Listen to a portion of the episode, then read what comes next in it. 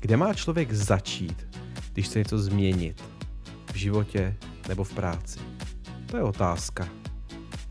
Já jsem Jiří Benedikt a tohle je podcast Další kroky.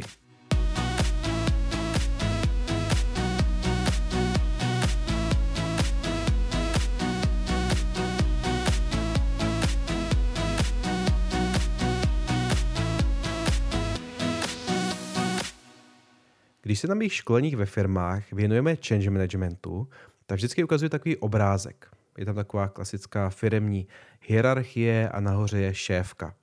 A ta chce začít inovovat. Tak vyzve své zaměstnance k tomu, aby přišli s nějakými nápady, co se dá u nich ve firmě zlepšit. A Adam možná řekne, já bych chtěl nový IT systém, to by nám fakt pomohlo. Bára řekne, No, bylo by dobrý, kdyby obchodníci posílali lépe vyplněné reporty. Cyril řekne, no, eh, byla by lepší nějaký, lepší komunikace od vedení, aby s náma lépe mluvili, říkali nám věci. Eh, David řekne, no já bych chtěl, aby se mě Petr neustále neptal na věci, které si může najít na internetu. Když se zamyslíte nad tím, co mají tyto věci společné, tak je to to, že často v těchto situacích lidé navrhují zlepšení někde jinde. Říkají, bylo by super, kdyby ty se zlepšili. Bylo by super, kdyby tady ty nám měli nový systém, kdyby tady ty přestali dělat ty věci. Máme takovou intuici, že když se něco má zlepšit, tak se první díváme na to, kdo by se měl zlepšit. V předchozí epizodě věnované štěstí jsem říkal tento citát Antonyho Dimela, který říká jak skvělý by byl život, kdyby se změnil někdo druhý.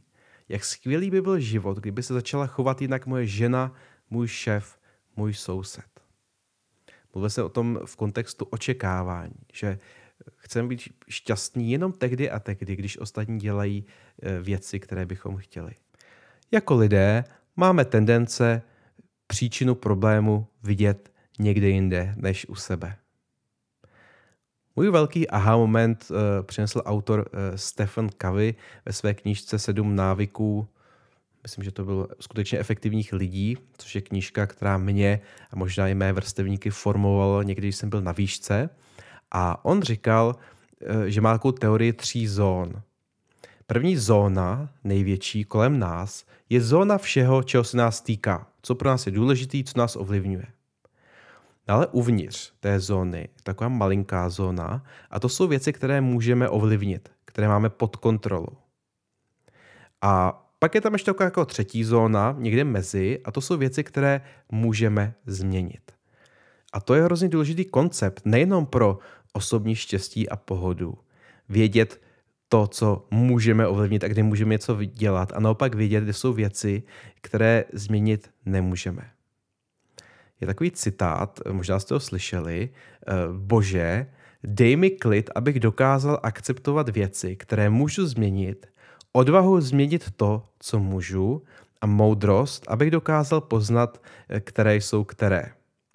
Tady tomu se říká modlitba klidu, Serenity Prayer a uh, přišel s ní uh, profesor a teolog Reinhold Niebuhr v roce 1933 Myslím si, že to je velmi platné jak v osobním životě, tak v práci. Mimochodem tady to heslo eh, se proslevilo jako mantra anonymních alkoholiků, které vznikly v Americe právě v roce 1935, dva roky poté, co s tím přišel eh, tady ten Reinhold Niebuhr, eh, což je mimochodem dva roky po konce prohibice. A teď zpátky k těm firmám. Představte si firmu, která ručně třídí, zapisuje a archivuje faktury někdo může říct na účtárně. To by bylo tak super, kdybychom měli tady tu aplikaci, která by to dokázala zautomatizovat. Náš život by byl o tolik lepší. No ale aplikaci nemají. No a co se děje, že lidi zahořknou a řeknou, no nejde s tím nic dělat, dokud nemáme tuhle aplikaci, tak prostě náš život bude hrozný a nebudeme nikdy produktivní. Jako lidé máme tendenci příliš se fixovat na to, co změnit nemůžeme a málo se soustředíme na to, co změnit můžeme. Také máme tendenci řešit problém penězi. Jakmile něco nefunguje, no tak na to nějaká aplikace nebo najmeme ho více lidí a podobně. Ostatně tak nás to učí uh, už léta marketing. máte nějaký problém, máme tady aplikaci. Stačí předplatné 200 Kč měsíčně a váš problém vyřešíme. Ale takový uh, můj oblíbený manažer, který se jmenuje Lean Managementu, Paul Akers, mluvil jsem o něm tady v podcastu v rámci dvousekundového línu, tak říká lidem super věc, která se jmenuje používejte svůj mozek, ne svou peněženku. Jo, předtím, než uh, začnete na problém házet peníze, položte si otázku, je to nějaký způsob, jak můžeme ten problém posunout uh, rychle, uh, jednoduše a levně nebo zadarmo? Třeba v té firmě, co zpracovává ty faktury. Možná ten systém automatizace by automatizoval a odstranil 80% toho problému. To by bylo super, nebo 90% problému. Ale možná, kdybychom si dobře nastavili procesy, dobře rozdělili role, standardizovali, naučili se pracovat s tím softwarem, co máme, tak bychom možná ušetřili 20% času. A to úplně bez, bez investic. Někdo argumentuje, že to je málo a že ani se nemá cenu do toho pouštět. Často se ale stává, že v průběhu zjistíte, že dokážete mnohem víc, než kolik jste si původně mysleli. Navíc v tomto případě to může fungovat jako dobrý argument pro management, právě pro koupení tohoto softwaru.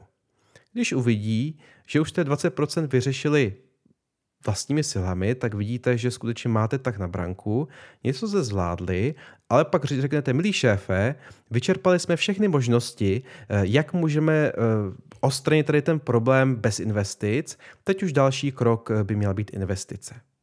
A vaše šance, jak získat nevážitelný software, bude možná vyšší.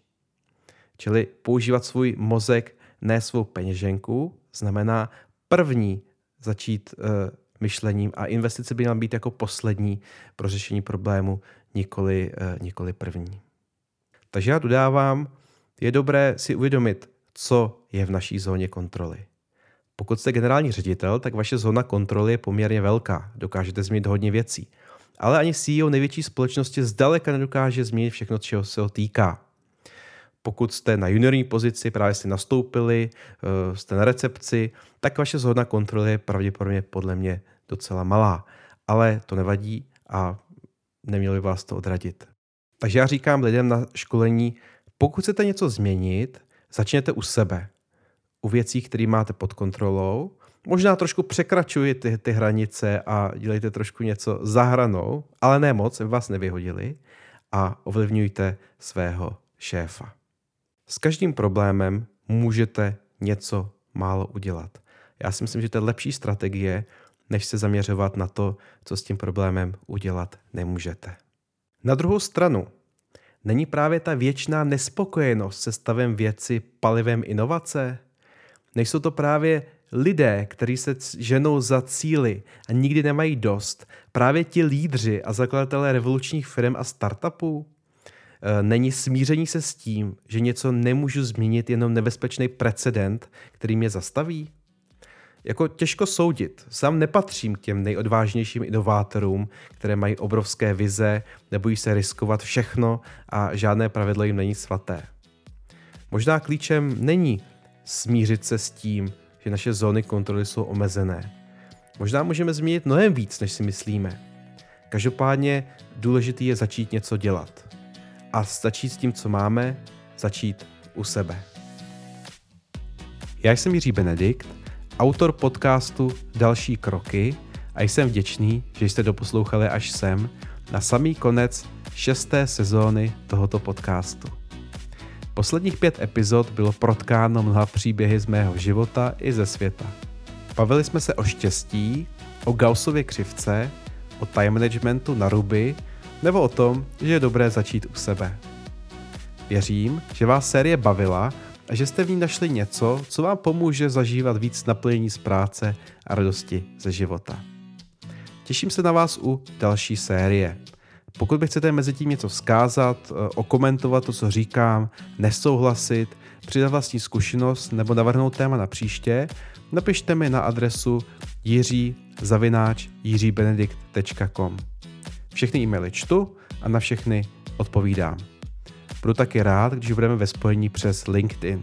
Všechny kontakty a odkazy najdete na mém webu www.jiříbenedikt.com. kde mimochodem najdete také spoustu zajímavých věcí, návodů, šablon a materiálu ke stažení, které vám pomohou pracovat chytřeji. Ještě jednou díky moc, jsem hrozně rád, že posloucháte. Mě tvorba podcastu baví a věřím, že vás baví jeho poslech. Já jsem Jiří Benedikt a těším se na slyšenou u další sezóny podcastu Další kroky.